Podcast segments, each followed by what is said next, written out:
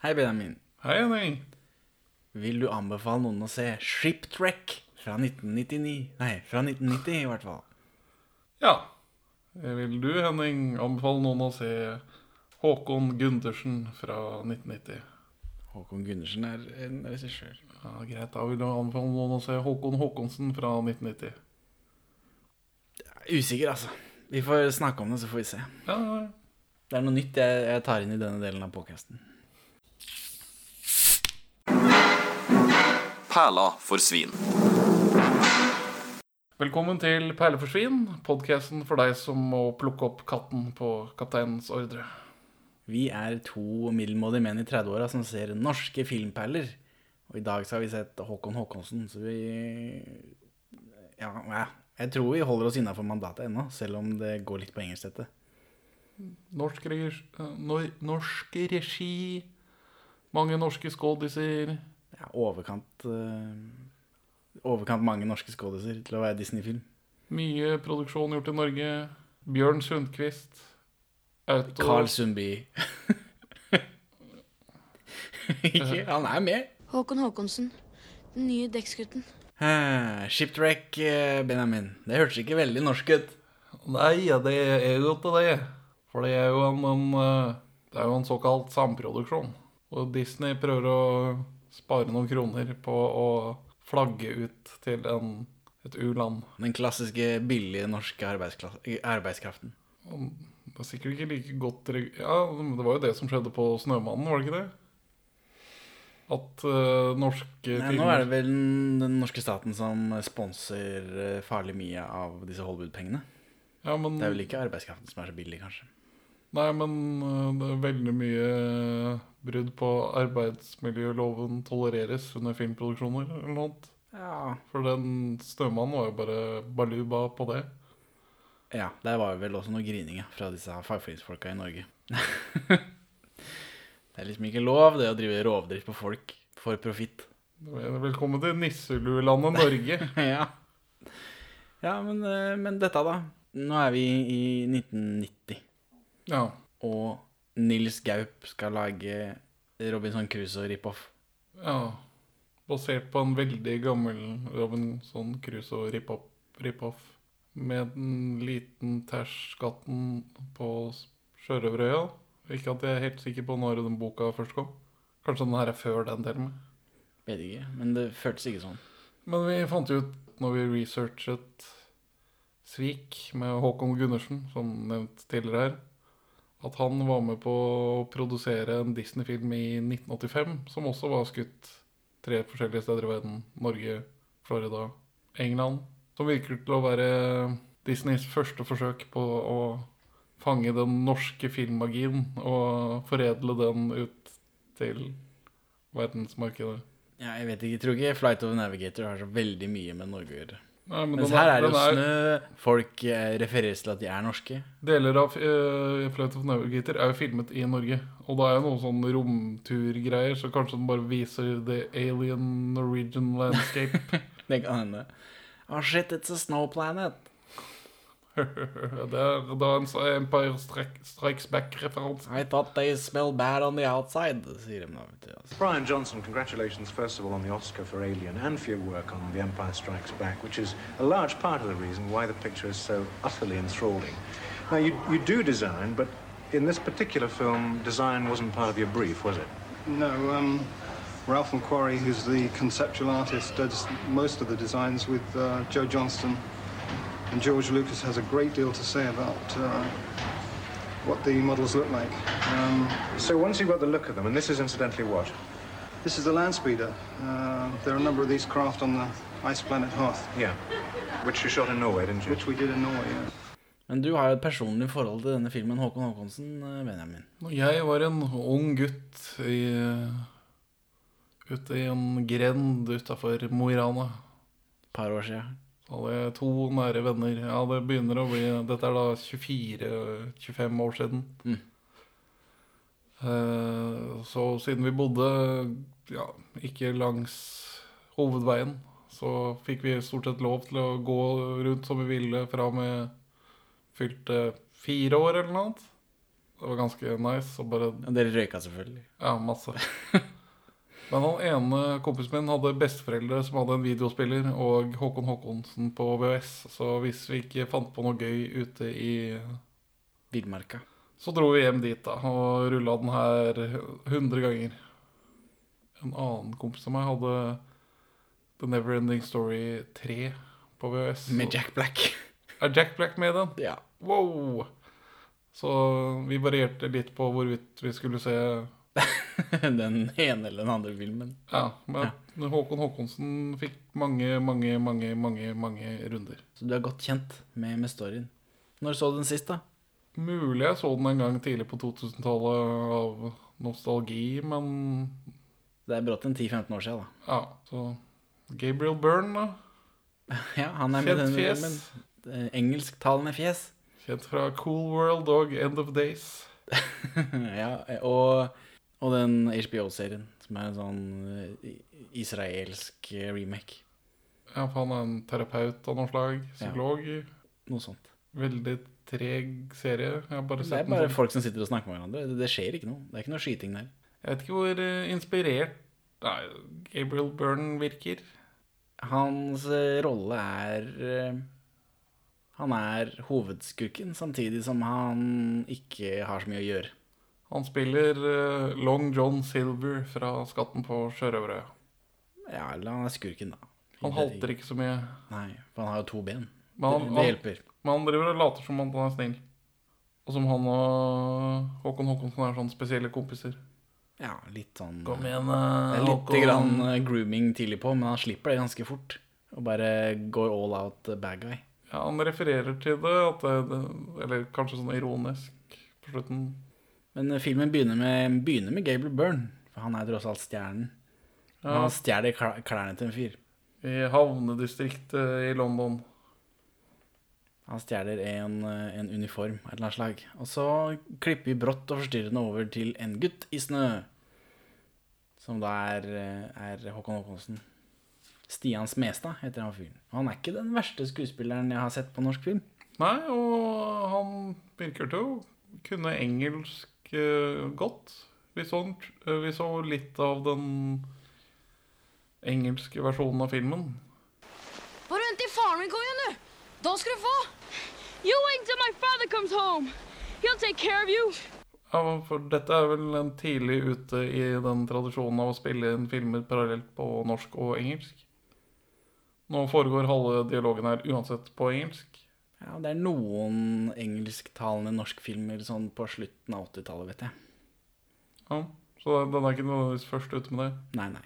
Men jeg vet ikke om de også hadde eh, norsktale i tillegg. Det vet jeg ikke ennå. Ja, fordi den, den Håkon Gundersen produserte parentes, diskutabelt parentes slutt Filmen 'Slipp Jimmy fri' Den er jo spilt inn Eller laget både på engelsk og norsk Men siden den er produsert i England Så er stemme uh, Matchinga der til munnbevegelsene For den engelske versjonen Så hvis du ser den på norsk Så føles det ikke helt riktig Nei, Det har jeg ikke lagt merke til, men jeg har begge versjonene her. Bare vent til faren min kommer igjen, du! Da skal du få! Faren din kommer ikke igjen. Han er forsvunnet til sjøs. uh, gutt i snø. Det er noen teite mobbere der som dytter han i snøen. Ja, og rike landhandelssønner og vennene hans Og så kommer Bjørn Sundquist. Baby! Oh yeah Han kommer vandrende inn i bildet. Han, han er med i alt, da. Jeg visste ikke at han var med i så mye. Jeg visste ikke at han ikke var slem i så mye. For mitt inntrykk av han er at han er en sur, gammel gubbe. Og alltid skurk. Jeg vet ikke, ikke skurk kanskje nødvendigvis, men alltid liksom morsk og litt sånn sinna fyr. Som du helst ikke vil ha noe med å gjøre. Ja, men her var han jo veldig mild familiefar. Er overraskende varm og ja, ja. Myk familiefar på 1800-tallet. Som nettopp har blitt handikappet. ja Jeg tipper 1700-tallet òg, jeg. jeg. vet Det var 1800-tallet. Det er en fyr med tatovering hvor det står 1843. Å, ja. ja, ja. Det er ikke 1700-tallet. Og hvis det hadde vært 1700-tallet, så hadde det jo vært et dansk-norsk flagg, og ikke et svensk-norsk flagg på denne skutta. Men eh, sjørøver og sånt nå, er, vel, er ikke det på rundt 17 noe? Ja, vel, alle er mest aktive, men de har vel ikke blitt helt utslettet ennå. Sjørøvere er bare at folk kaprer båter, liksom. Gabriel Byrne kommer tilbake på slutten her med hodeskalle på båten sin. Svart flagg og hele greia. Bjørn Sundquist eh, han er der. Han har litt vondt i benet, stakkars. Han har vært eh, på båt og fått surra benet sitt inn i noe tau og noe greier, så han er nå handikappa for livet. Og Han ble heldigvis reddet av Jens. Yes. Her, ja, vi blir også introdusert for Jens, da, som er veldig viktig i historien. Ja, på en beskyttende hånd over Håkon stort sett hele filmen. Når du sa det sånn nå, så kom jeg på at det er jo ingen som dør i filmen, faktisk. Ja, vi, får vel Vi teller vel ikke Jo, kapteinen dør. Det er sant. Og så under eh, senkningen av båten så skyter Gabriel Byrne en av de som prøver å stoppe han fra å skyte han som holder tauet. Nei, Jo. han døtter på den. Han skyter den ikke. Hvor mange kuler er det han har i den der gunneren sin, da? det er en sånn toløpsgreie da, som tar 60 minutter å lade. ja. Nei, det fikk ikke game med meg. Jeg opplevde det som at han ene blir skutt og detter av den båten de prøver å sjøsette. Ja, for når jeg tenker på Robinson Crusoe, der er det jo bare Robinson, stakkars, som overlever. Hele, alle de andre dauer jo på den Ja. båten, da. Castaway. Det går dårlig med disse andre FedEx-folka i det flyet. Ja, det er bare sånn tre stykker, da. Ja, ja. Men de dør jo. Og Wilson dør. Wilson! I can't! Wilson! Det velger å se for meg at han kommer til en annen øde og så lever lykkelig der sammen med en annen eh, Sammen med en kvinnelig basketball eller noe sånt. Eller kanskje en, ensom gorilla. Kanskje det. Men før vi kommer så langt, så er vi i trauste Norge sammen med Sundquist. Eh, Og han har med seg en gave, for han har vært på sjøen da, sammen med Jens. En, en gave fra det store utland. Og hva er denne gaven? Et mønstringsbrev. Ja, Gratulerer, sønn. Nå kan du begynne å jobbe. Du er 14 år, ut på sjøen med deg. Ja. Norsk, stolt norsk tradisjon. Og så sier mamma nei, nei, nei, det der går ikke an. Og da sier Bjørn Sundquist ja, du har helt rett. Det var bare tullete. Å, jeg glemte det. Vi ikke, ikke tenk noe på det. Du må nå bli her, bli her hjemme. Men så viser det seg at eh, Bjørn Sundquist har pengetrøbbel.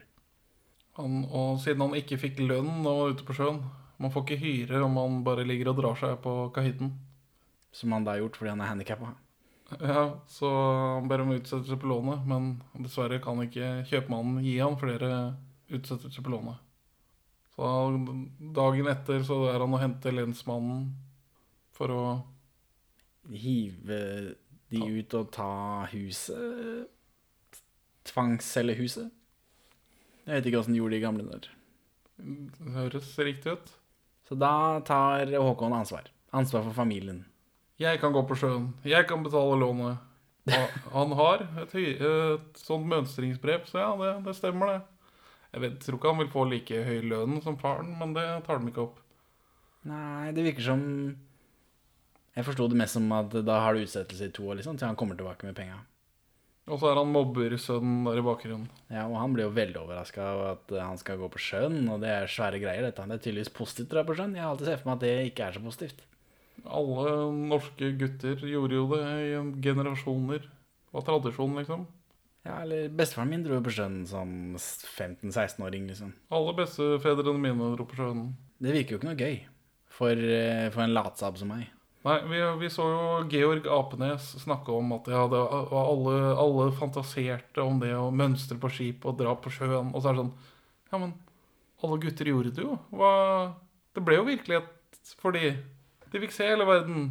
Georg Apenes dukker opp i en bakomfilm, ikke i sjølve Håkon Håkonsen, bare så det er sagt. Det, det, nå må du utvide begrepet bakomfilm. Det var jo Jeg tror det var det.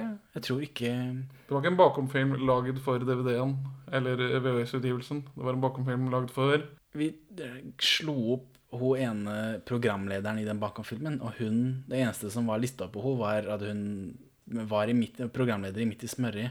Men den filmen vi så, var jo ubegripelig lang. Ja, men det er, jo- Mye lenger enn en episode av Midt i smørjet. det er jo to 14-åringer som er programledere. Det må jo være lagd for Midt i smørjet. Det har jo den Midt i smørjet-stemningen. Bare, «Å, så hvordan, Hva er det som skal inn i det når man lager en film? Det er ikke sånn man vinkler en bakomfilm for en bakomfilm. Nå skal vi ha Men alle dette er jo- basicene for å lage en film. Men dette er jo for barn, på en måte. Jeg vet ikke.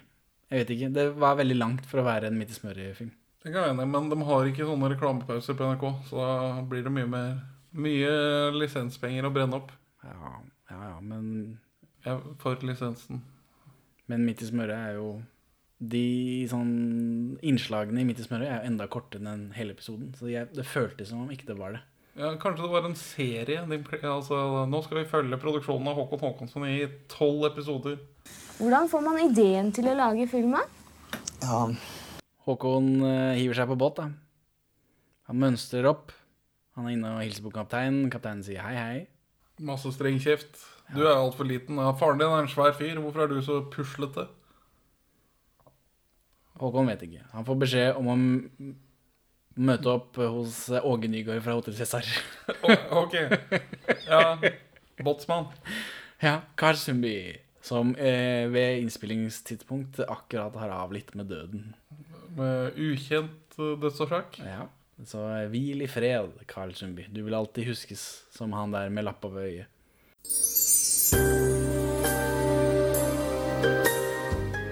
Ja, kanskje det var som en homasj til sin rolle i sjørøverfilmen Håkon Håkonsen.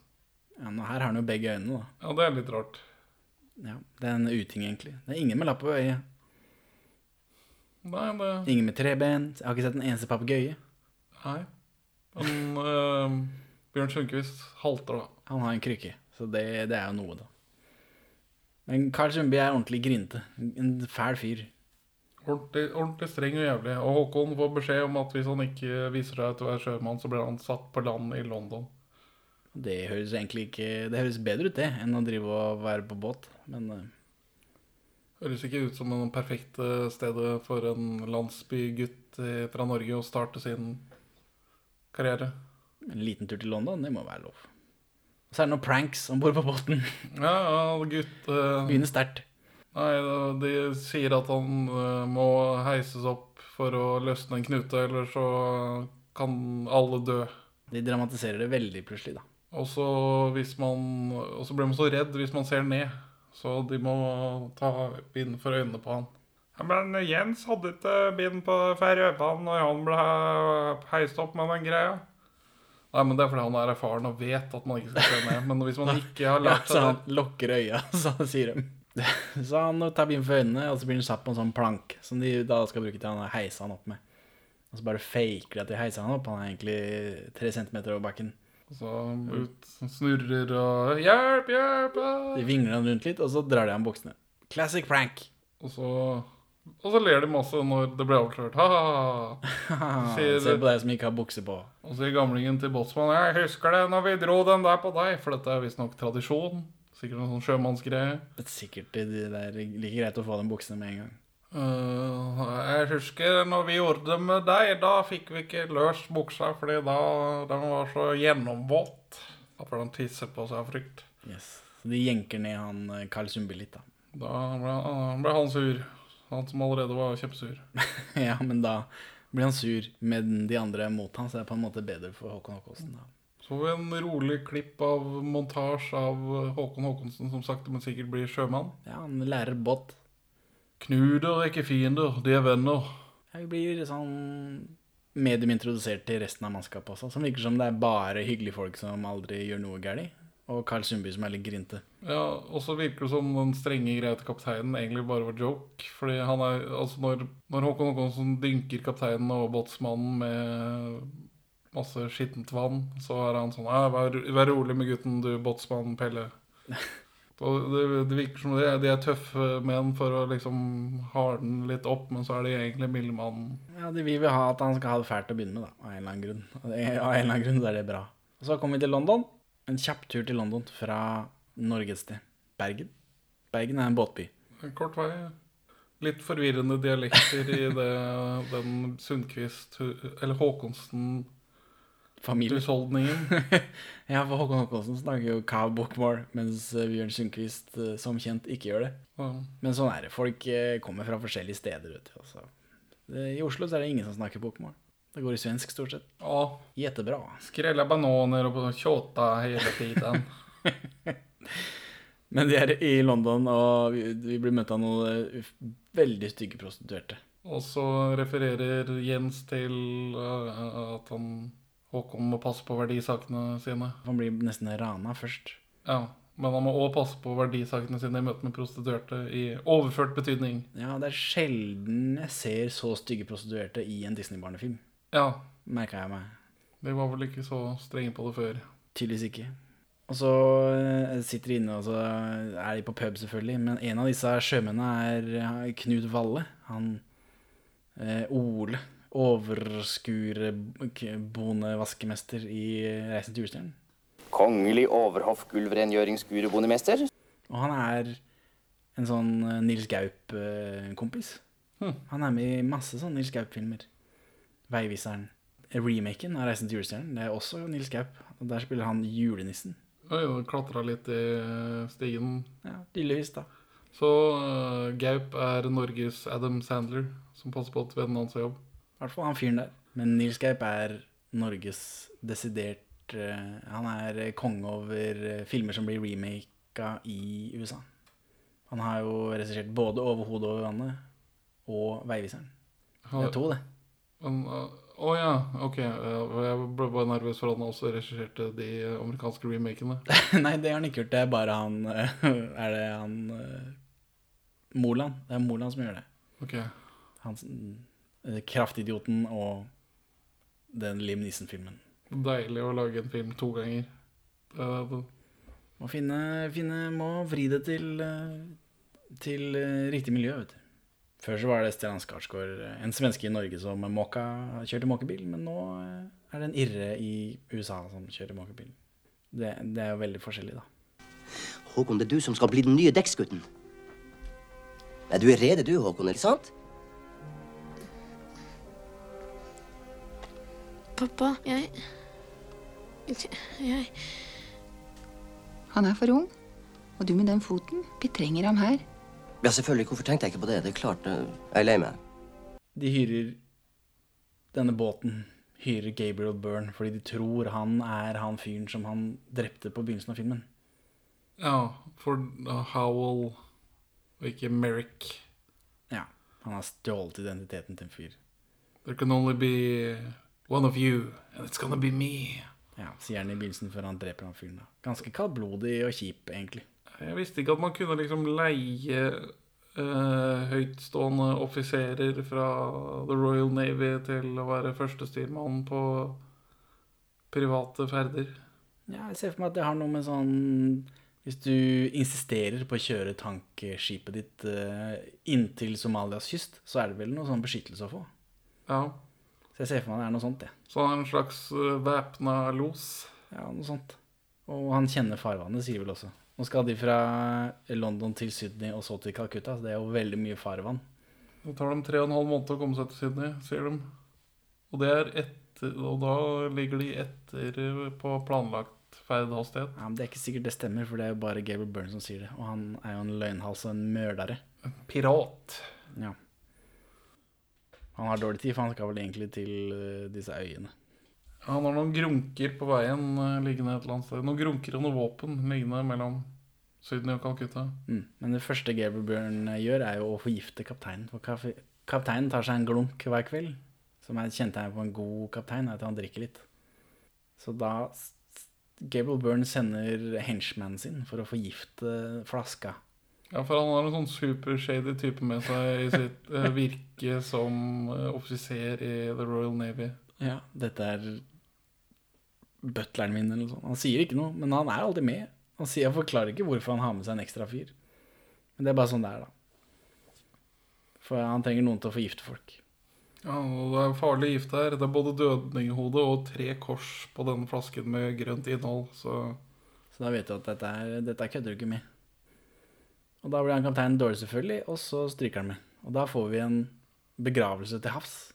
En uh, bin Laden-style begravelse. Det Var kanskje ikke det norske flagget de svøpte hans lik i, kanskje. Det Jeg kan ikke se for meg at ikke det skulle være det. Ja, det er også bin Laden. Jeg har ikke fått bekreftet at ikke det er det. Svensk-norsk.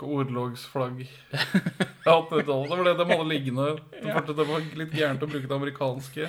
Men vi har det «svensk-norske-ordlogsflagget» liggende her. Og, og, og det er egentlig det som skjer på vei til Sydney. Ja, også det at Håkon Håkonsen mistenker at det er noe muffens med Ja, fordi han finner han, Gabriel Byrne har med seg masse Masse esker med våpen. Ja, musketter eller noe annet. Som han aldri bruker senere. Så det var jeg ikke helt sikker på hvorfor han gjorde det. Det var bare for at han skulle virke shady, og så kommer det aldri tilbake igjen. Men så kommer de til Sydney. Endelig er vi i Australia. Nå skal vi få se Australia på norsk via USA, tenkte jeg. Dette blir gøy. Og så, og så får vi ikke det, da. Nei, det var veldig skuffende. Jeg hadde gledet meg til det. For vi fikk et lite, lite besøk til London som var virka ganske godt gjennomført. Sånn I hvert fall utseendemessig. Ja. Det var disse prostituerte da, som var veldig pussige for meg i en Disney-film. Men eh, de var jo sikkert veldig stygge, de prostituerte i, i London på tida. Det skulle man kunne anta. Få høre med Jack the Ripper hva han syns. Heyo. Heyo. They're all pretty on the inside. Du, eh, som du vet, så, så betaler de ikke hyra til en som ligger og drar seg på køya. Så jeg er nok redd for at jeg må eh, be om en liten utsettelse på lånet. De går i land i Sydney. eh, Alle er glad fornøyd. Carl Sundby er klar. Knut Valle er klar. Han, han, han Alle er gira. Sydney er en by som setter spor i deg. Ja, det er en fyr med tatovering. Se, det satte fysisk spor på meg siden jeg tok en tatovering her i byen. Med, med bynavnet på. Og mamma. Og årstall. 1843. Ja. Sånn er det å være sjømann. Ja. Så, men så kommer Gabriel Burns, eller han henchmannen hans, er det vel som sier det. At nå eh, Vi har dårlig tid. Vi ligger etter skjema. Landlivs cancelled, boys. Og så blir det litt sånn grinte, da. But we have been three and a half months at sea. Don't we deserve a little bit of land leave? Det er ikke det som er jobben din, det er ikke å drive og reke rundt på land. This is now a British ship, and insubordination is a punishable crime. Blah, blah, blah. Ja, for nå er det, siden eh, kapteinen er død, så er det Gabriel Byrne plutselig som er kaptein. På magisk vis. Ja, Han er første styrmann, så det er vel et sånt hierarkisk system. Det er det, men da er det han som er kaptein. Det er han som bestemmer. Så da må de bare gå på igjen, og i det, de tre sekundene han bruker på å gi den orden, så har han også hyra inn flere skurker. Ja, sånn veldig tydelige skurker. Sånn supershady gjeng. Nå har de jo De er hyra inn fra Australia, da. Der er det jo bare skurker. Ja, det er sant. Det kan ikke skylde på dem for det. Nei, nei, det kan ikke kaste en stein uten å treffe en mørder eller to i Australia. Og så er det ute på det åpne hav igjen, mens Håkon roter rundt eh, under dekk. Og rydde noe tau på plass. Og der er det noen muffins under dekk der. Dun, dun, dun. For det er vel ikke en Hollywood-film eh, med bare menn. Det må en romanse til. Vi har en blindpassasjer. Da, da, da. Og det er heldigvis ikke en xenomorph. Heldigvis ikke. For Alien heter Blindpassasjeren på norsk. Bare så, så jeg jeg rydda opp i det nå. Det er en jente da som har sniket seg om bord. eh, Men det blir ikke noe ordentlig romanse ut av dette heller. Det blir sånn Han tar henne med seg hjem til slutt, men jeg får sånn Her, mamma og pappa, denne jenta må du ta vare på. Ja, hun skal bo sammen med oss. Se mor og far på hverandre sånn. Enda, enda. Hva skal vi med kvinnfolk, da? Oh no, not another mouth to feed. Så, men det blir ikke noe sånn ordentlig romanse. Selv om han, det er litt sånn beskyttelseopplegg over, over det. Han må hele tida ta ansvar, Håkon, for denne, dette, dette kvinnemennesket som roter seg opp i trøbbel hele tida. Hun øh, klarer å beskytte seg selv og redde Håkon ved noen anledninger òg. Så Ja. ikke øh, dette patriarkiske synet på den kvinnelige karakteren vil jeg ha meg frabedt. Ja, så, ja. Men noen ganger så tar Håkon ansvar og redder henne fra ting hun ikke trengs å, trenger å reddes fra også. Ja, det er akkurat lik deg en søling moro. Jeg husker når vi tok trikset på deg, båtsmann. Buksene dine satt som spikra, så klissvåte var de. Denne blindpassasjeren, da, hun blir gående som blindpassasjer. Tar ikke med henne opp. Og etter hvert så blir de busta av Jens, som også er på båten, da. Som trodde Håkon hadde s- smuggled a and bird. I just thought uh, Håkon hadde smuggled a dragon bird. Har du noe mot, eh, mot engelsken hans? Er det Ja, det den er var litt uh, under middels. Vi får se hele den engelske versjonen og Sammenligne. Mm. For det er ikke norsk-engelsk i denne filmen. I thought Håkon had smuggled a dog on board. Og så er det litt storm.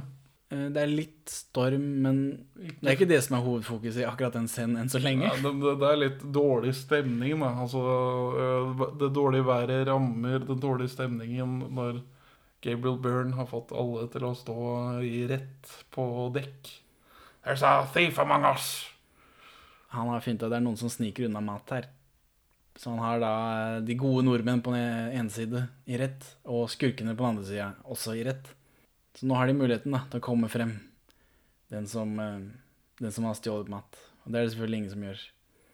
Og da drar Gable Byrne fram denne, denne blindpassasjeren vår, da, Mary, som hun heter. Så da er det hun som skal straffes, og da piper Jens eh, at ei, ei, ei, hun kan ikke drive og, og alle barn. Hun er bare et barn. Og da er det Jens som får skylda, selvfølgelig. You know, uh, også, ja, uh, Jens sier vel uh, akkurat uh, Do you know what uh, You know what the punishment for not reporting a stowaway is?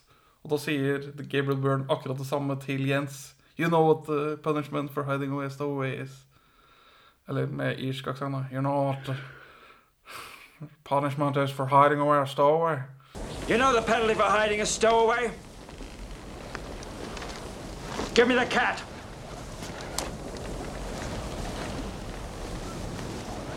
This man will receive 40 lashes. Da blir det 40 lashes from the cat. Fra katta.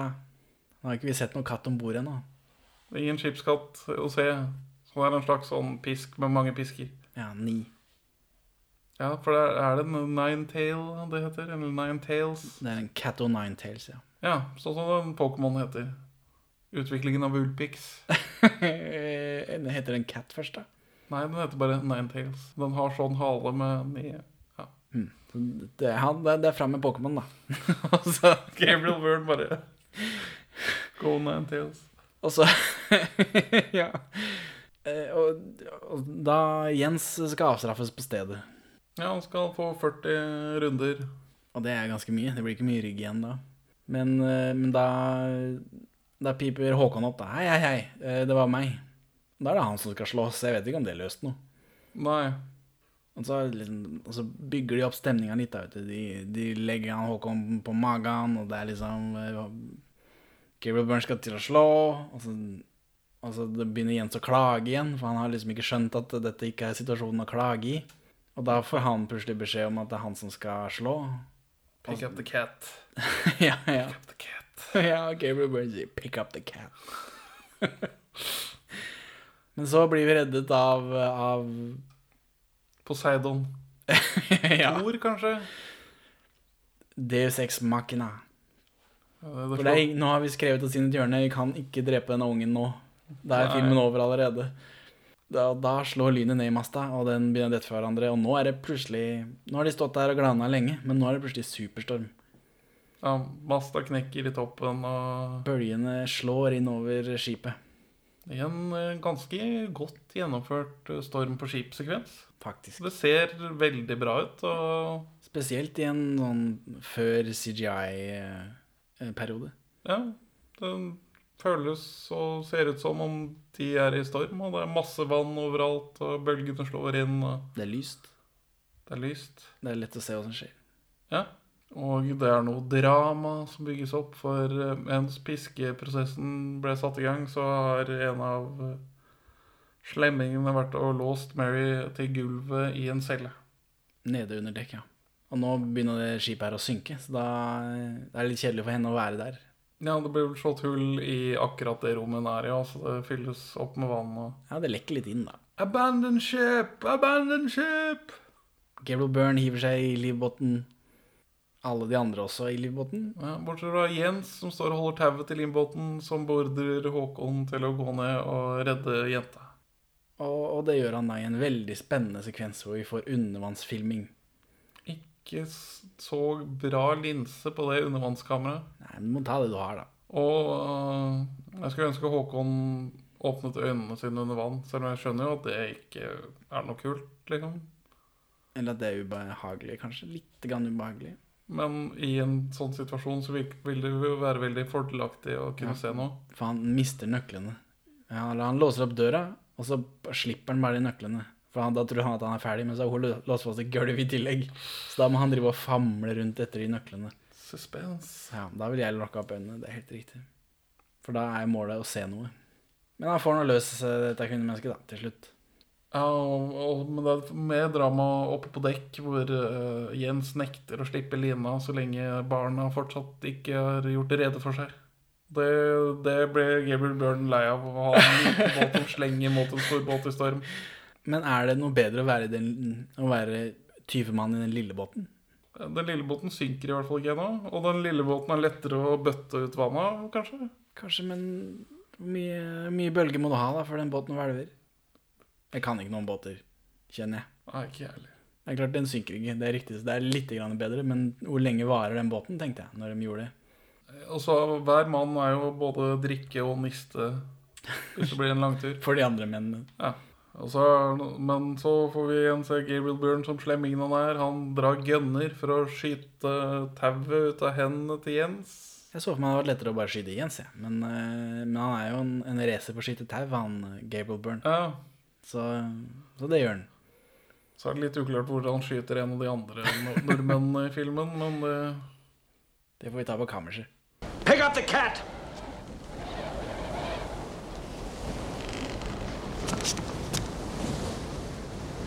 Pick up the cat!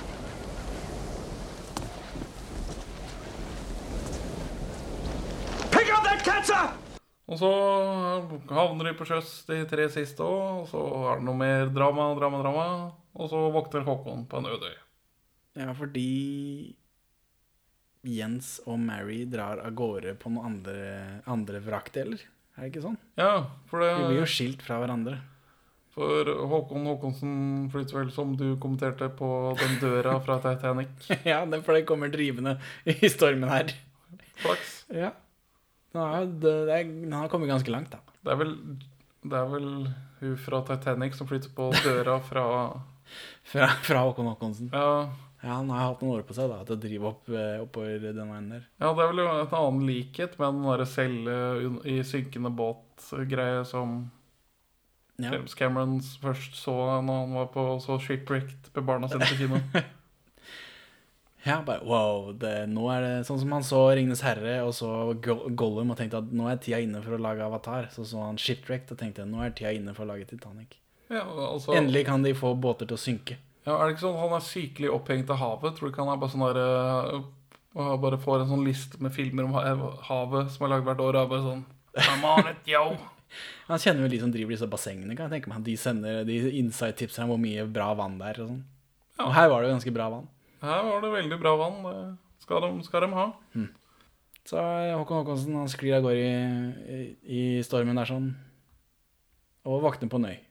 Veldig god til å klatre i palmetreet. Ikke sånn kjempegod, han kommer jo ikke opp.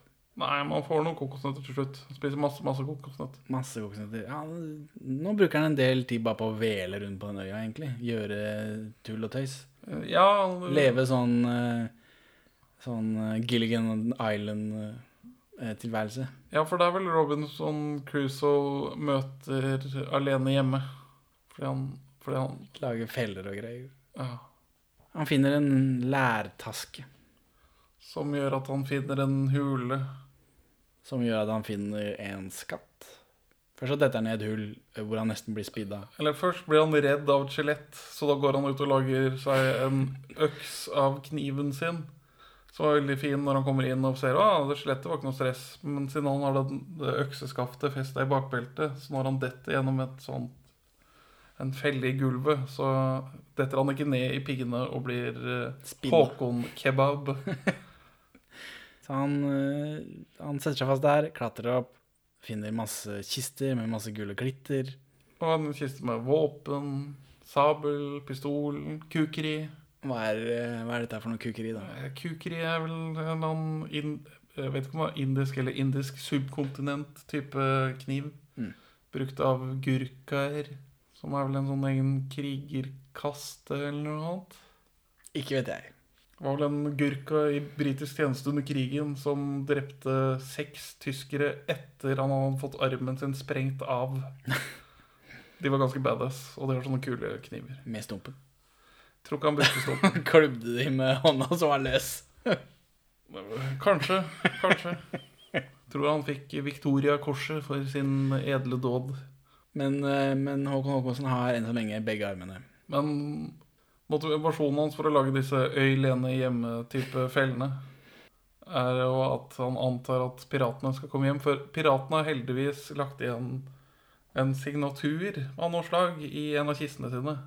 Som er en sånn eh, wanted avisutklipp som viser at denne kaptein Howell egentlig er en pirat med navn Merrick. Bam, bam, bam. For det er et sånn perfekt tegning av Gabriel Byrne i en 1800-tallsavis. De er veldig gode på sånne, sånne tegninger. Ja, det er jo bevist om og om igjen at det ikke er noe problem å bruke det i etterforskning. Nei. Så da setter han Håkon eh, sammen disse to puslespillbrikkene han har fått, og begynner å lage masse feller. Og et hjem på øya. Og et palmetrærhjem. Så finner han noen rester av forlis. eh, Lager masse mer greier. Han veler bare rundt. Ja, og så finner han kasse med raketter. Ja, med nødraketter. Fra dette forliset, da, som fortsatt fungerer. Du må, trenger kanskje bare å tørke krutt, og så er det bra, liksom. De hadde veldig gode sånne forseglinger på trekasser i, på 1800-tallet. Ja, tydeligvis. Så man roter rundt og ordner og styrer. Men i hans, til hans forsvar så tror jeg jeg ville gjort det samme. Rote rundt, liksom. Hvis jeg først uh, var på en sånn øy. Og ikke hadde noe umiddelbart behov for mat. For jeg tror ikke han spiser noe særlig. Han drikker mye kokosnøtter. Ja, det er jo kjøtt i en kokosnøtt òg, ikke Ja, men du kan ikke bare leve på de der kornete greiene man putter i Bounty, liksom. Du kan leve lenge på det. Ja, du kan det. Ja, jeg tror det. Du kan ikke bare spise kokosnøtter, det er jeg sikker på. Men Håkon Håkonsen er ikke alene på øya. Nei, for det er en sånn um, hule i et tre, sånn som på Dagoba i Ja. Star Wars. Akkurat der han har valgt å bygge basen sin. Så kommer det noen mystiske ly lyder. fra, det, fra det hullet i det treet. Og så det, Og så er det noe Så kommer det hoppe, hoppende ut av den, så kommer det røsjende en gorilla. En sølvrygget høyfjellsgorilla. På denne tropiske øya.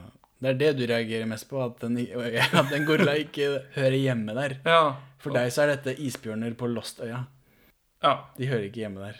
Ja. Hvor kommer denne gorilla fra? Det sitter du og lurer på i Ja, filmen. det, altså Håkon, altså Den må jo ha lidd samme skjebne som Håkon Håkonsen. Den har sittet i et bur på vei til en zoologisk hage et eller annet sted.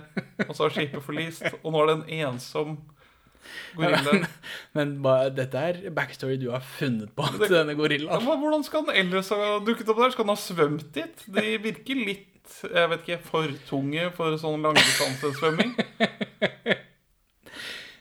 Eh, Jeg vet ikke, den bor bare der, da.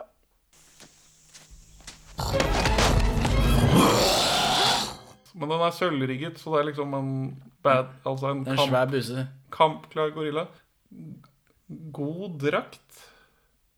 Overbevisende bevegelser. Gorillastil Ja, for dette er jo en tidlig Andy Circus uh... Ja, det er jo sånn han slo gjennom, tror jeg. Du tror det? Så, som gorillaen i, i Håkon Håkonsen. Ja, men ansiktet til den gorillaen var kanskje ikke eh, like bra. Nei, de kunne kanskje klippet litt bort istedenfor å vise det lite, så reagerer vi ikke så mye på det. Men sånne nærbilder av et fjes sitt reaksjon som ikke har bare sånn bitte, bitte, bitte, bitte litt bevegelse. Men heldigvis så får vi jo en payoff, for uh, i, i skip I resten han fant av forliset, så finner han jo en trompet. Eller et Et horn. Et horn. En bugle. En bugle, ja. Og da skremmer han bort gorillaen med den. Blåser i dette hornet, da. Hvordan høres det ut?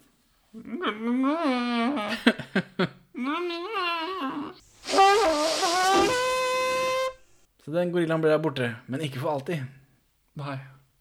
For det er mer gorillagreier. Det, det er to gorillasekvenser til som dessverre ikke bindes inn i den helhetlige historien, som er vel kanskje det eneste filmen mangler. Det er en payoff på gorilla. Ja, for payoff Altså, det vi får, er øh, Han fortsetter å bygge base og lage feller, og så kommer gorillaen for å rushe han igjen. På, Det virker som han skal hoppe på den og det er jo sånn Liksom. gorillastil at de liksom løper mot deg og gjør seg store. Men heldigvis har Håkon Håkonsen lagd en eller annen sånn trampolinefelle, så denne gorillaen blir launcha ja, men gorillaen pælmer seg over en sånn klippe, og så rett i den fella, som da skyter han av gårde. Så han blir litt sånn eh, litt eh, skremt av det, da. Vi holder, vi holder oss unna Håkon Håkonsen.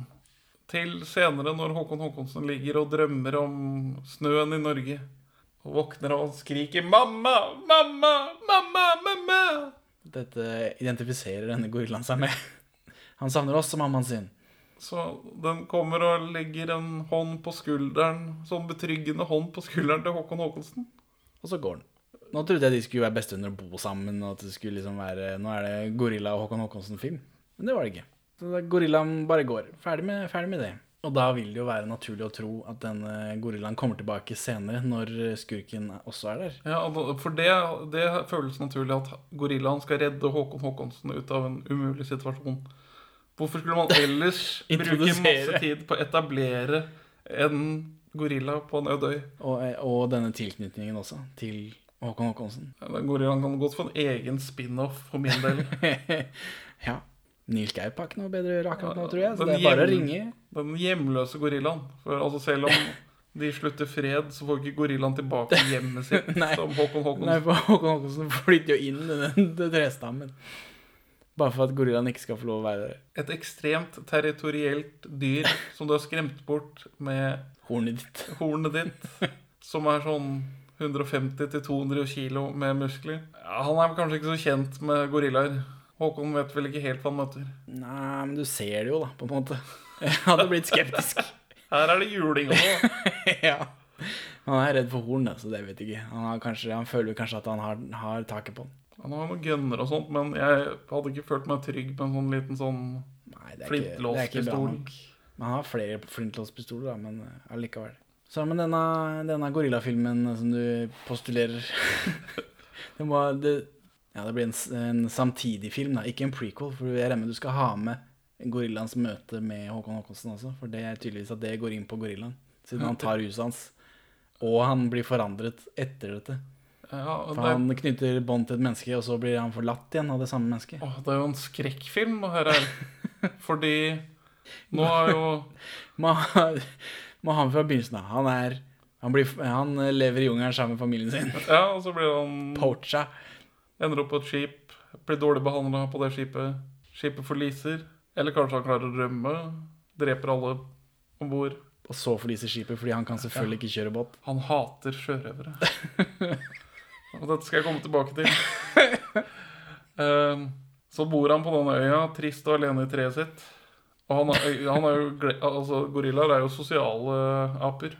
Eh, som Han vet ikke helt hvordan han skal liksom, tilnærme seg Håkon Håkonsen først. Eh, men så slutter de i fred til slutt. Ja, for han føler sympati da for eh, Vi følger hans denne tremøteakten litt med litt sånn ispedd hva gorillaen gjør. At han driver og ser på Håkon Håkonsen, og så bare skjønner han den mamma-lyden. Altså det derre mam... fo- Fonemet er jo det eneste som, som er felles i alle språk i verden. Inkludert gorillaspråk. Ja, kanskje man kan postulere at det er eh, At det er noe genetisk fellesskap med denne store, vakre apen. Han skjønner den, det der savnet. Altså, da ser vi han som ser på Håkon Håkonsen drømme om mor. Og så flasher han tilbake til sin egen Ja, og Håkon Håkonsen eh, han drømmer om mor, han feller en tåre. Og så, og så ser vi gorillaen som feller den samme tåren. Og at han liksom Han tar på tåren sin, og han, han legger hånda mot Håkon Håkonsen. da ikke, For han er et stykke unna. Altså, han, han skjønner det, liksom. Og Men gorillaen er jo traumatisert av det oppholdet sitt som fange på et uh, piratskip. Og så har jo også Gabriel Byrne vært på øya tidligere. Det er ikke sikkert han har vært så hyggelig da heller. Nei, det er jo sant. Men så tror han at han skal finne støtte i Håkon Håkonsen.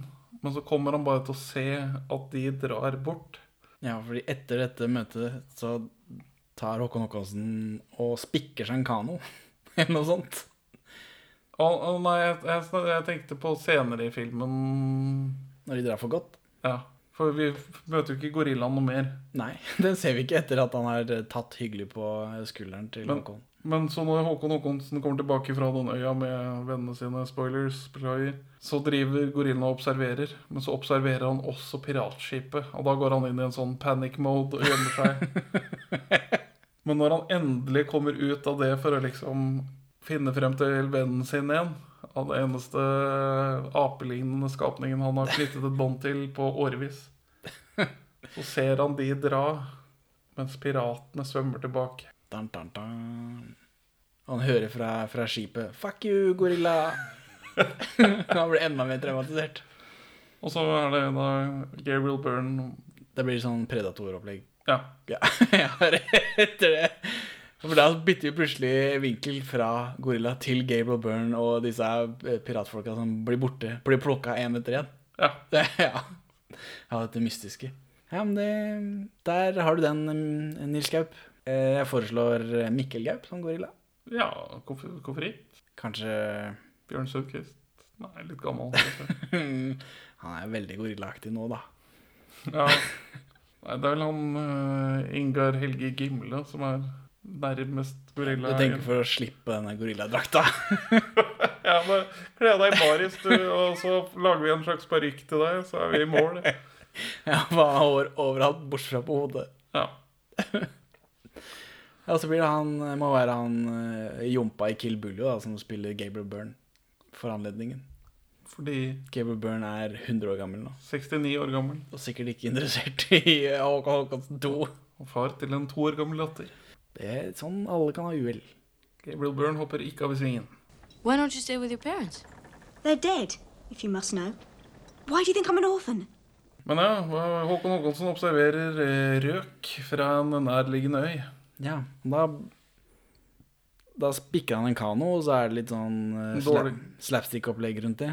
Lager verdens dårligste kano. Han, la- han tar en altfor liten trestamme og lager en uthulning i den.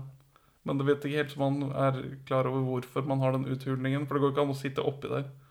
Ikke er det svære kniven han har heller, så det må ta lang tid. Men klart, nå har ikke han annet enn tid. Nei. Men det gjelder jo ikke de på øya. Men, eh, men uansett så får han det til til slutt. Han får spikra sammen noen greier og, og flekker over der sånn. Og da føler jeg plutselig at han er kanskje ikke så shipwrecked. Når han liksom kan bevege seg fra øy til øy, treffer masse andre folk. Han har ikke langdistansekapabilitet med katamaranen sin, da. Nei, men han er ikke låst til den øya heller. Ikke på lang sikt, kanskje, men Men når han kommer dit, så er det jo en, en gjeng med urinnvånere der. Og de har jo kommet fra sted, og de blir nevnt at de har dratt fra øy til øy. Ja, de har nok antageligvis uh, litt bedre utstyr enn han har klart å bygge seg så langt. Hvor mye bedre han skal bare være? seile hjem til Norge fra den øya med katamaranen sin? Eller ikke til Norge, men det er ikke som om han sitter fast på den øya. Eh, Robinson Crusoe kommer ikke noe sted. Vi har ikke sett uh, Håkon Håkonsen lære en, en døyt om navigasjon. Altså Går han ut på det åpne havet, så er han dau. Ja, men han trenger ikke å gå på åpne øyne, for han ser bare en øy, og så drar han dit. Ja, men Og det så er- fra den øya så ser han en annen øy, og så drar han dit. Det, men her, det, vi, Og så treffer han disse urinnvånerne, og så flytter han inn der, ikke sant? Og så blir han en av dem, og så lever han lykkelig alle sine dager. Så dreper han mange av de og tar én av de som slave. Det er Robinson Crusoe, det. Vent nå litt. Det stemmer. På fredag. Eller han dreper vel de som prøver å drepe fredag. Ja, for det er noen kannibaler og noe greier der. Men disse folka er jo ikke kannibaler, viser det seg. Nei, ja, for vi får det. Be- både jeg og du, moderne menn med Med lang fartstid innen norsk film. Vi ble litt nervøse for hva som kom til å skje nå. Men vi var sånn Det er Gaup på saken. Han må jo kunne vise en urinånergruppe med respekt. Og det ser sånn ut en stund også. Ser ikke så verst ut sånn til å begynne med. Nei. Men så ser vi at det er noe håndgemeng med Mary. Ja, for både Mary og Jens er i denne gruppa med urinnvånere. Og, og Mary blir ser ut som hun blir angrepet av Ja, Ser ut som hun skal bli dratt inn i et, en bungalow. Hun, ja, Eller at hun blir dratt opp i en kjele med, med løk og sånn som flyter rundt. Av to jevnaldrende gutter, da, riktignok. Og da hiver eh, Håkon Håkonsen seg inn i kamp. Han har jo nå våpen og det som er. Fyr og et skudd og greier. Altså. This is no time for a reunion. Diskutabelt utsagn. Ja, fordi han Han tar jo Mary på en måte, da. Og liksom nå, nå skal vi stikke av. Men så viser det seg at uh, de er jo venner, disse folka. Så da var det ikke så ille likevel. Det er vennene våre.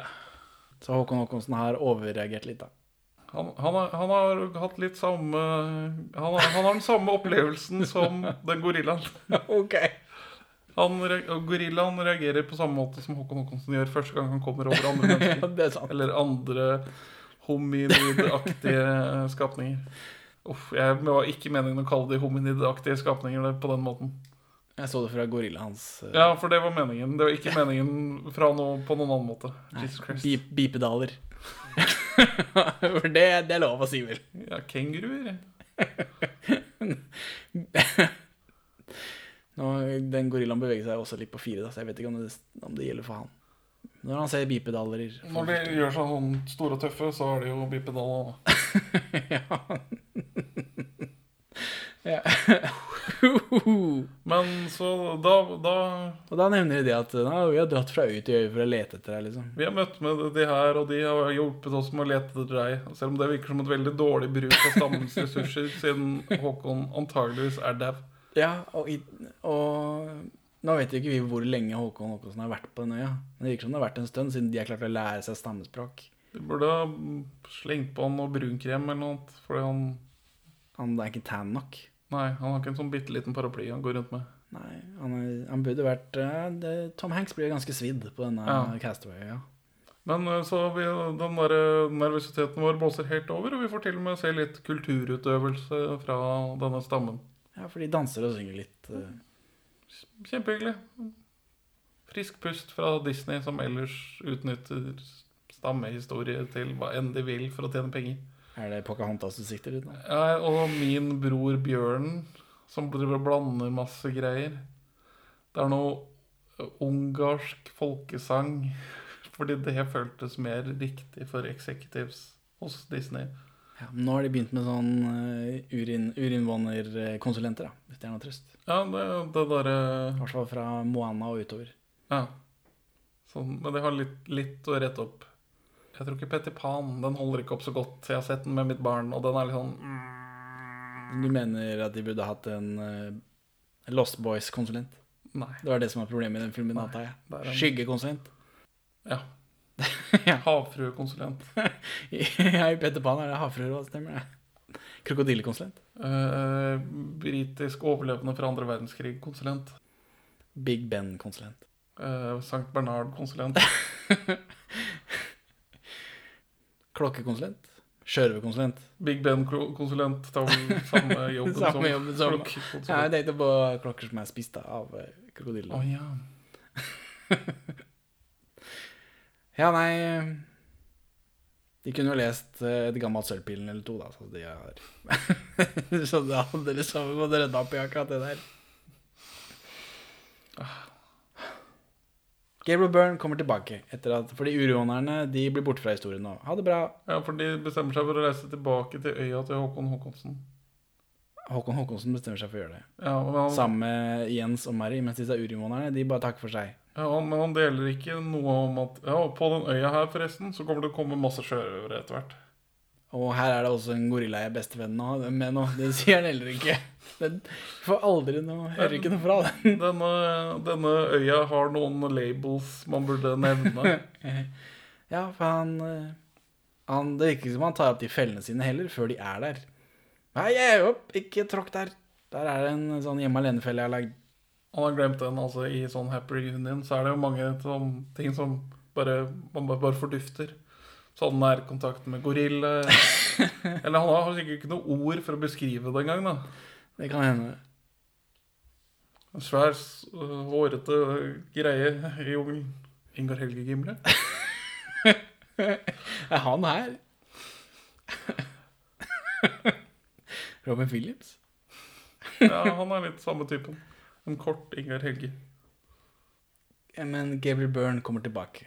Da får vi Han kommer på båt. Hvordan han har klart seg, det er litt uh, uvisst, men det gikk bra med den lille båten, da. Ja, Han har en mye mindre båt. Han har en mye mindre skute nå.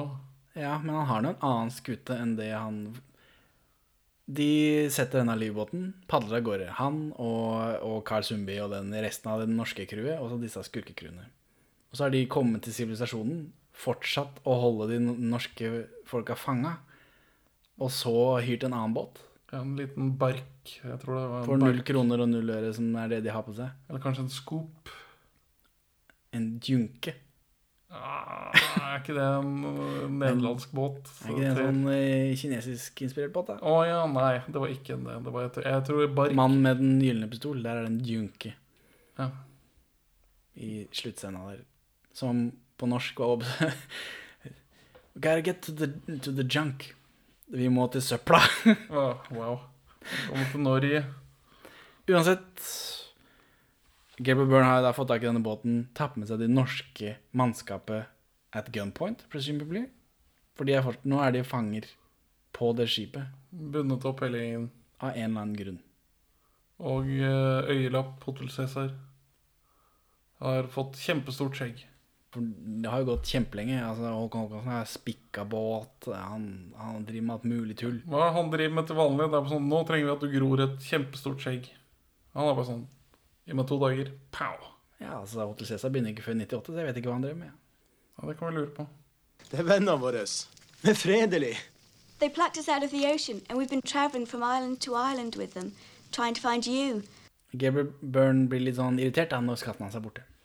Uh, it's gone! It's gone! Han blir veldig, veldig sint. Search every rock and tree of the island. I want him dead, whoever took it. Altså, hvis skatten din er borte, hvorfor tror du den fortsatt er på øya? Er det bare sånn sjørøver som har vært der, gravd den opp, og så er det sånn Ja, jeg er bare så avhengig av å grave den at jeg graver den et annet sted på samme øy. Nei, men hvor skal han ellers lete hen, da? Du må begynne derfra, altså spre, spre det utover. Først den øya her, så den øya der borte som vi kan ta den eh, kanoen og padle over til. Så en av de andre øyene, og så bare fortsette, da. Etter Ja. hvert, etter hvert eh, til Europa, spre seg ut til Europa. Kartlegge alle. ja. Nå Her har vi gravd. Førstemann på Sydpolen. Lete etter skatter. Så får vi noen økning i forviklinger, for han ber om at resten av crewet som er på båten, blir med for å lete, og at de tar med seg noen av fangene. Det er jo for at ikke de fangene som er igjen, skal ta den båten som er der, og dra. Ja, det er lurt. Eh, Antar jeg. En av de fangene som blir tatt med, er han eh, fra Reisen til julestjernen. Så får vi en female power-scene. Ja, for Mary får da jobben med å befri denne båten. Hun Kjemper seg til jobben om å befri båten. For egentlig så vil jo disse andre gutta gjøre det. Nei, Det er for farlig. Altså, nei, bullshit. Jeg kan håndtere en pistol. Tar hun en tøffere gunner enn Håkon Håkonsen, så Nå passerer ikke den filmen her Bechdrev-testen. Nei, for det er jo Bechdel, ja. Det er jo bare én eh, kvinne. Nei, det, Ja, det er noe prostituerte og noe greier, da. Altså. Men, Noe sånt. Men de snakker vel aldri sammen. Nei. Men bra, er bra at det også eh, unge jenter som ser den filmen, kan se at jenter også er badass. At det ikke bare er sånn Gorillaer. Ja. Som er de mest badass. Det slår ja, meg at uh, ja, det, det, det er sunne mannsrolle i gorillaen, da, som viser omsorg. Og ikke bare fysisk vold. Det slår meg at han Gabriel Byrne er mye hvitere enn alle andre. Han er helt utrolig blek. Ja, han ser ut som han skal på Sisters of Mercy-konsert.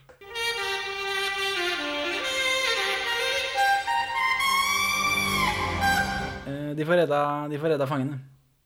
Ja, de bruker den kassa med raketter som kaster ned på bålet, sånn at de har sånn sjokken og angrep på den demotiverte piratleiren. Mens eh, Mary eh, ordner de på båten. Slipper løs fangene, eller gjemmer seg fra de to som vokter båten, og slipper løs fangene. Carl Sundby er løs. Nå kan alt skje.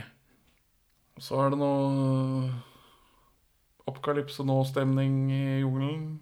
Løping i jungelkaos.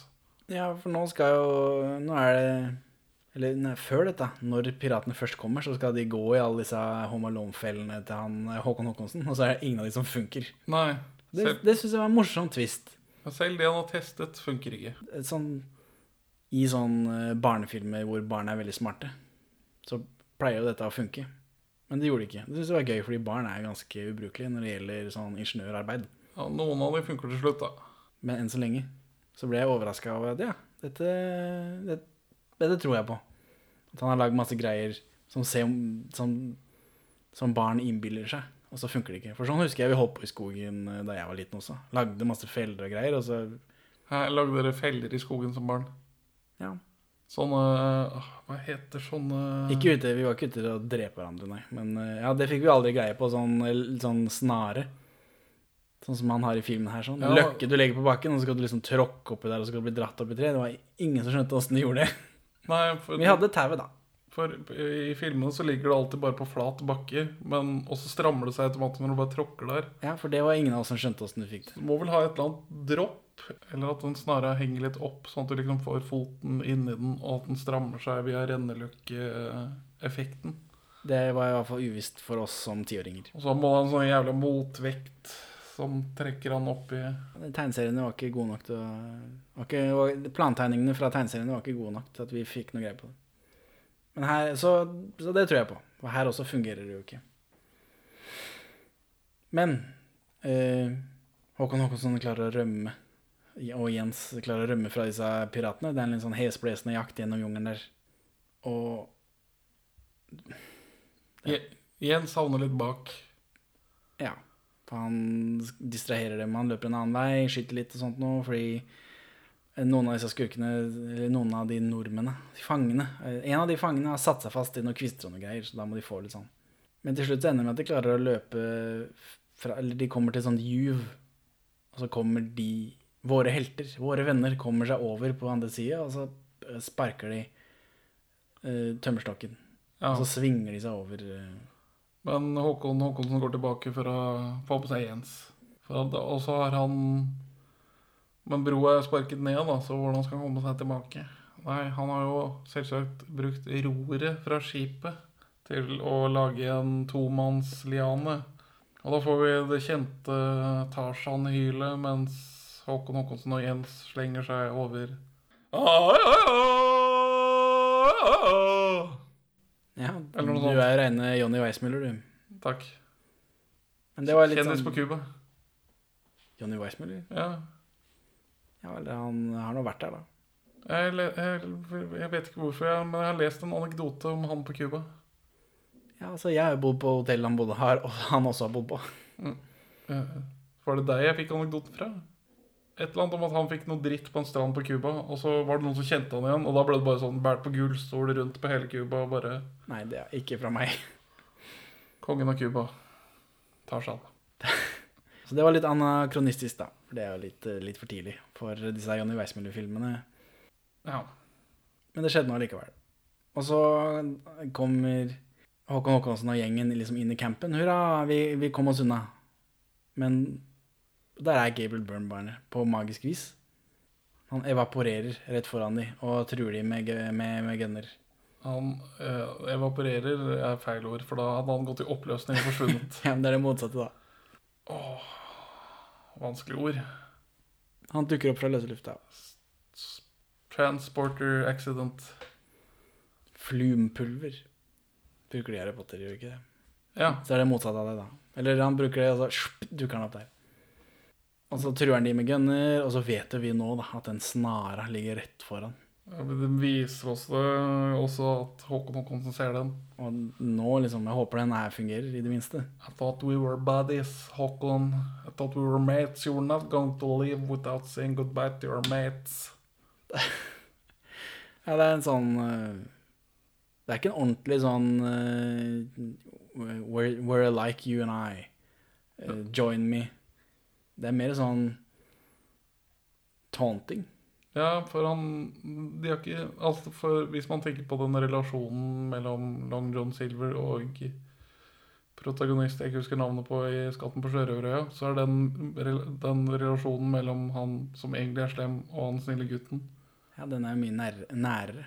Ja, og så har jeg brukt mye tid på å etablere at det er noe, både noe snilt og noe slemt i Long John Silver, mens her har de ikke brukt noe tid på det. Så det blir bare veldig sånn overfladisk. Og altså, Gabriel Byrne bruker du ikke i noe annet enn en sånn ironisk trusselgreie. Det er ja. Og til slutt så tråkker han inn i snara. Opp ned Gabriel Byrne. Heyo. Misfornøyd. Opp ned Gabriel Ja, Byrne. det liker han ikke noe særlig. Så han, han sier vel at når de For da løper de. Det var, derfor han ikke, ah, det var derfor han ikke ville gå i land i Sydney. For han liker ikke å være opp ned. Ho, ho. Den var så god at nå kan vi bare legge ned podkasten, tror jeg. Ja, det Dette er høydepunktet. Det kommer aldri til å komme høyere enn dette. It's gone! I don't believe it! Get out of here! Get out! Get that treasure! Håkon Håkonsen og Jens og den rølpegjengen der, de rømmer da, mens han henger der og dingler. Og da så roper han 'Kom tilbake, jeg skal drepe dere'. Det er Ja. veldig umotiverende. Come back, I'll flay you alive. ja. Litt verre enn å bli drept igjen. Come back, I'll flay you alive and live in your skin like a tent. Dun-dun. Dun, dun, dun, dun, dun, dun. Hva er dette? I'm flying, flying, flying over you. ok, er det nattsvermeren? Ja. Would you fuck me? fuck me. Fuck me hard. Sånn ref, bo i huden til noen andre. ja. Come back here, you little runt! I'll slay you alive! Men han kommer seg løs. Uh, igjen så er han er god til å skyte tau, så han skyter bare tauet. Og han lander Han henger og dingler i tauet, høyt oppe. Skyter snora og lander på bena. Pow! og lander på bena. Eh, Uten at de viser det som om noe fantastisk han får til. Det er bare De gjør det for at han skal slippe å lande på ryggen, og så reise opp igjen. Knekke nakken. ja. Og imens dette har foregått, så har resten av gjengen hans kommet seg over også. Så nå, da er jakten på igjen. Planen virker til å fungere. Altså når Håkon og Jens og gjengen kommer løpende, så roper de at ja, må, dere må sette i gang motoren. Mo motoren på båten, ja. Ja. Gjør klar skipet. Gjør klar seilene. Så da stikker de, da har de en båt og De padler av gårde i en lille dumme kanon. Og så kommer uh, Gabriel Byrne og gjengen hans padlende bak, og så med gunner. Så får vi sånn Eller de må svømme på slutten. Hvorfor må de det? Jo, fordi de sprenger båten. Hvorfor sprenger de båten? Å ja, nei eh, Nei, altså båten til Håkon Håkonsen, for de er jo i vannet på slutten der. Jeg vet ikke, de blir vel skutt, kanskje, da. De sky han skyter kanon, kanskje, og så detter de fra hverandre. Jeg husker ikke. Det er en veldig rickety kano. Ja, men for, for Gabriel Byrne har en ordentlig båt. Jeg ville kanskje tatt den, jeg, da. Hvis jeg Ja. først skulle rømme. Kan være lurt. Men altså, kanskje de ikke kan teknikken. Ro og ro. De to sjømennene de har med, kan ikke ro. Mm, kanskje. Det er mulig. Han ene er jo snekker. Og så Han får, bor. Får vi filmens klimaks. Gabriel Byrne er sånn førsteperson sikte med gunneren, for han er nå bare ute etter å drepe Håkon Håkonsen. Mer enn noe annet. Men flaks for oss er Mary på båten og har satt i gang en saluttkanon. For dette er en ganske liten seilskute. Ja, det er enda mindre kanon. Junke. Skal vi ha diskusjonen igjen? Slup, bark eller noe sånt. Dunke. Den eneste båten jeg kan. Jolle. Litt større enn ei jolle. Det er ikke en skjærgårdsjeep heller. Yacht. Det heter en yacht, men det er i hvert fall en båt. Så men, akkurat mens uh, Gabriel Byrne holder på å sikte ferdig som Luke Skywalker i uh, Star Wars episode 4, så får hun Mary fyrt av et skudd med den bitte lille saluttkanonen. Og, og blaster hele den båten til Gabriel Byrne i, til pinnebiter. Fillebiter. Det burde være rødt hav hvor den båten var nå. Absolutt. Men siden det er Disney, da, så er alle i live, og de bare ligger og dupper i vannet. Hyler og skriker litt. Svøm etter de, kom igjen, da. Jens! Gamle bardun. Sett kursen hjemover. Og så gjør de det, da. I den engelske versjonen av filmen så sier eh, han og han at de skal dra til Calcutta. Ikke Take this ship to Calcutta. Set course for Calcutta. Set course for Norge. Straight to Norway from Indian Ocean. Og så fiser jeg går oppover der. Vi slipper å se hele den reisen, da. De kommer bare rett inn til, eh, til Bjørnskjenkvist. Nå er det ikke snø. Og han driver og bygger på huset som ja, han, han driver med noe vedlikehold på huset som det blir avslørt skal selges. Ja. Så det er vel kanskje for å få bedre pris. Dri- Driver prisen litt opp. Kanskje. kanskje. Det er jo vanlig å, å, å rydde opp litt når man skal selge. Dette huset som er syltet i hjel. ja, skal selges. Da kommer Håkon Håkonsen på, på, med hest og kjerre med en svær kiste og et ekstra barn til, til Bjørn Sundquist. Nok en munn å mette for stakkars uh, handikappede Bjørn Sundquist. Ja. Dette er før velferdsstaten, dere. Det er ikke noe kontantstøtte. Nei, og Jens er der også, men han som er sånn Han som har blitt sånn manservant for, eh, for Håkon Håkonsen, er jo han som mobba han på begynnelsen. Så det er jo veldig behagelig for han at, han at det går litt rundt dette. Ola. De snakker ikke noe om det. Han er bare sånn 'yes sir', 'sir, yes sir' til Håkon Håkonsen. Håkon Håkonsen har på seg fin dress og pynta seg. Og så er jeg gården allerede solgt, solgt, pappa. Hæ? Ja, vi eier nå gården selv. Han har skjøte og greier. Dette er en sånn eh, en fantasi som eh, mange barn har, at de ordner opp i alt. Og da blir Bjørn Sundquist veldig glad, og så får han en datter plutselig. Og det er helt greit, det òg, syns. Syns han. Ja, de er veldig sånn stort sett ganske støttende foreldre, det, det her. Og så er det slutt, da. Pull out. Ja, for vi trekker utover mens rulleteksten går. Og ser, fortsetter å se levende bilder fra en eller annen fjord i Norge. Eller et matte painting Så ikke ut på, i, i England et sted. Norsk natur gjør vel jobben sjøl, og hvis det er noe i filmen som er filma i Norge, så er det den delen her. Ja, sikkert er det en den snødelen. Har de venta et halvt år, liksom? Samme på at det er for å rydde det stedet for snø? Snødelen er jo samme, samme stedet. er det det? Ja, De kan filme det i april, og så er det ikke snø neste måned. Men det var eh, fire meter snø, da, når det først var snø. Ja, det, det får så være. Så Henning, er du fortsatt på gjerdet om Shipwrecked fra 1990? Nei. Det vil jeg ikke anbefale. Hvorfor ikke det? For den, bare, den slutter bare. Det er veldig Jeg trodde det var en sånn Robinson Crusoe-film, men det er overraskende lite øy, egentlig. Det er en bitte liten del av filmen her hvor han er- roter rundt på den øya og ikke gjør noe. Og så er det ingen resolusjon på gorillaen. Det er ingen resolusjon på Gabriel Byrne. Han ligger bare og dupper i vannet der og skal liksom svømme etter de, og så er det, det de som er. Shipwrecked. I Shipwrecked 2, Gorilla Tales, så er det Gabriel Altså, ja, det var heller ikke nok båt. Det var ikke nok, eh, ikke nok Castaway, ikke nok Master and Commander. Hva er vitsen med filmen, egentlig? Dette er en barnefilm. Ja. Og den er Det er ikke en barnefilm jeg kan anbefale. jeg vil, jeg vil ikke anbefale noen voksne som ikke har sett den som barn, å se filmen. Det skal jeg innrømme. Men uh, barn som i aldersgruppen fem til elleve år, så er dette fortsatt en knallgod film.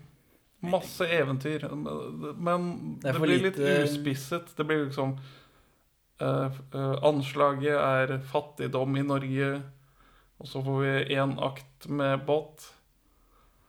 Og så får vi en stormsekvens, og så får vi en halv akt med Øylene hjemme. Og så action finish. Ja.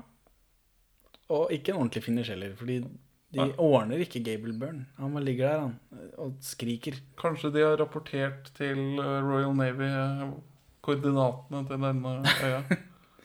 Ja, nå driver du og finner på ting igjen, som ikke er i filmen. Så din, eh, den bakhistorien du finner på, den kan ikke jeg ta med meg inn i denne drittfilmen. Altså, Inn i denne helt ålreite filmen, som ikke er bra nok til å se. Men kanskje Kanskje filmen er ekstremt tro til boka fra 1873. Ja, da vil jeg heller ikke anbefale den boka. Nei, Nei, så det er for lite sånn Det var heller ikke noe volleyballer. Ja, altså Det er det jo gorillaen som utgjør Gorillaen er filmens volleyball. Men altså, den sjokkeffekten som gorillaen har når den plutselig kommer, det er Nok, nok altså, gorilla. Til norsk film å være, så er dette her eh, ja, altså, hva, er- hva er den neste norske storproduksjonen etter det her som føles storslått? Jeg vet ikke. Etter, i, etter 1990. Ja. Storslått. Ja, for den her har jo Hvis du tenker på episk eventyr, liksom. For Ja, det er ikke så den veldig mange. Ordentlig filmmusikk og eh, flere locations enn Jar.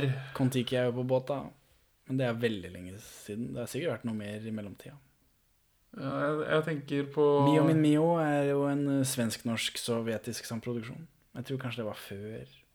Ja, det er nok før, ja. Før 1990. Jeg vil si 86. Vet ikke. Døden på Osles.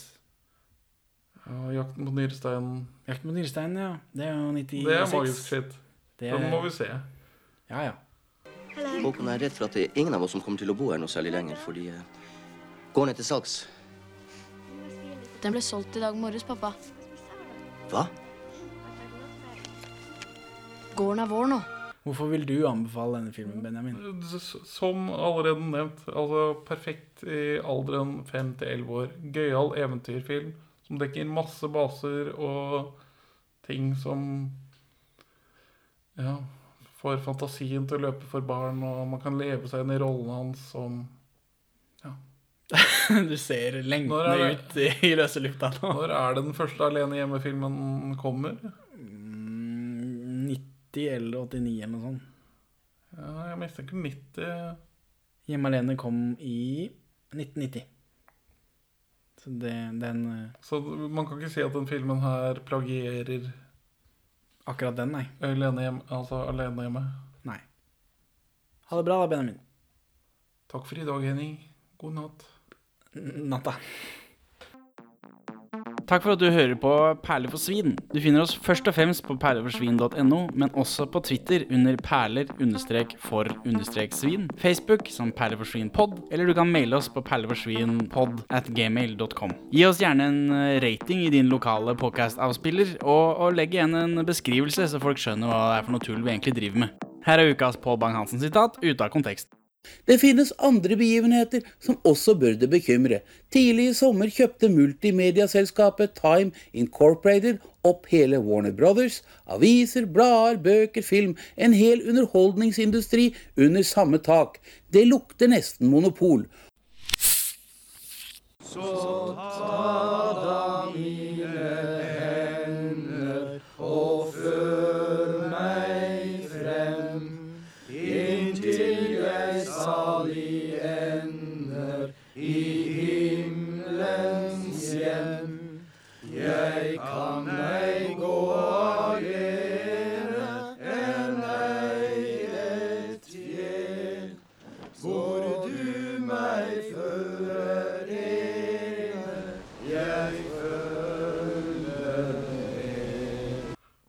I'm Gabriel Byrne.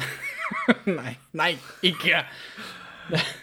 From Walt Disney Pictures, a young man taking on the high seas. Now, in the ultimate test of survival, he's finding the power and the courage